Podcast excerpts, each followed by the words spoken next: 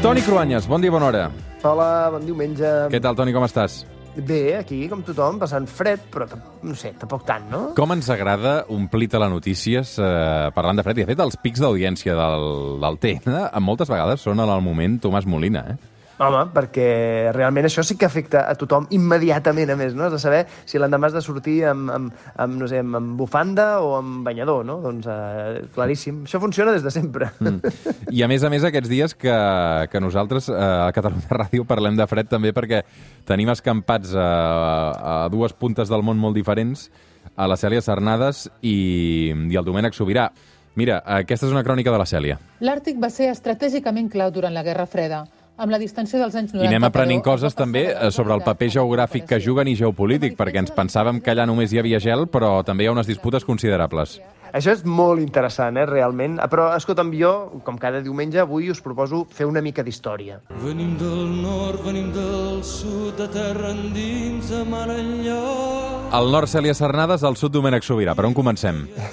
comencem pel nord. A veure, pensem que pel fred i per la falta de coneixements, a Europa, durant segles, van pensar que més enllà del món conegut, tot eren monstres, o, o directament que el món s'acabava, que tenia fi. Però ara no entrarem en quan es descobreix que la Terra és rodona, rodona o que dona voltes sobre el seu propi eix i, i que això dona llocs a, a dos pols, que són el, el geogràfic però també el magnètic. Doncs anem a l'aventura, Toni. Això, això, anem a l'aventura. I per tant hem d'anar al segle XIX ja, eh? on les dificultats per arribar al Pol Nord eren extraordinàries encara.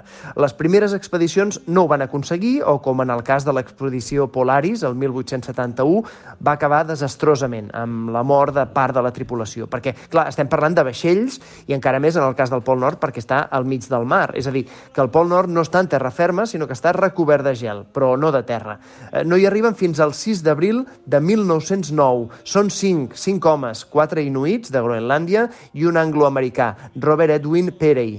El mèrit d'aquesta expedició s'ha posat en dubte durant anys, però sembla que sí, que se la dona per bona, tenint en compte els càlculs que es va fer a posteriori segons les indicacions que havia fet Perey. Aquí el mar i el gel són els grans enemics d'aquestes expedicions al Pol Nord, és evident. Ha passat eh, molts anys enrere i continua sent un obstacle ara, no? Sí, per això després hi ha hagut viatges fets amb avió. De fet, l'any 1926, el noruec Roald Amundsen va documentar de forma indiscutible haver sobrevolat el Pol Nord amb un dirigible, amb un Zeppelí. Eren 15 persones a bord en una expedició que va creuar el mar de Barents, l'arxipèlag de Spritsberg i finalment el Pol Nord. I van aterrar i enmig del no-res de gel van hissar les banderes de l'expedició, que eren la noruega, la nord-americana i la italiana. La tornada la van fer després via Alaska. Mm. Uh, Amundsen és el gran protagonista d'avui perquè, de fet, abans de sobrevolar el Pol Nord, es va fer famós ja per haver arribat al Pol Sud primer. Va ser el primer explorador en arribar-hi, en una de les competicions, eh, podríem dir que més despietades de tots els temps. 16 de febrero, Polo Sur. Això és Héroes de l'Antàrtida. A veure, puja, puja. Això és un clàssic de Mecano dedicat precisament als perdedors de la cursa per arribar al centre de l'Antàrtida. Clar, és que Amundsen va ser el guanyador, però després també explicarem aquesta història dels perdedors. Les condicions atmosfèriques són tan desagradables en aquest continent, perquè realment és un continent de neu, gel, vent...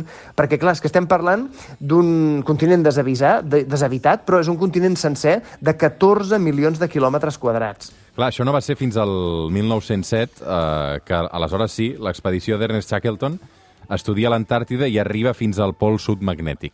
Sí, el pol sud magnètic, però el pol sud geogràfic va aconseguir arribar-hi, com dèiem abans, el noruec Roald Amundsen.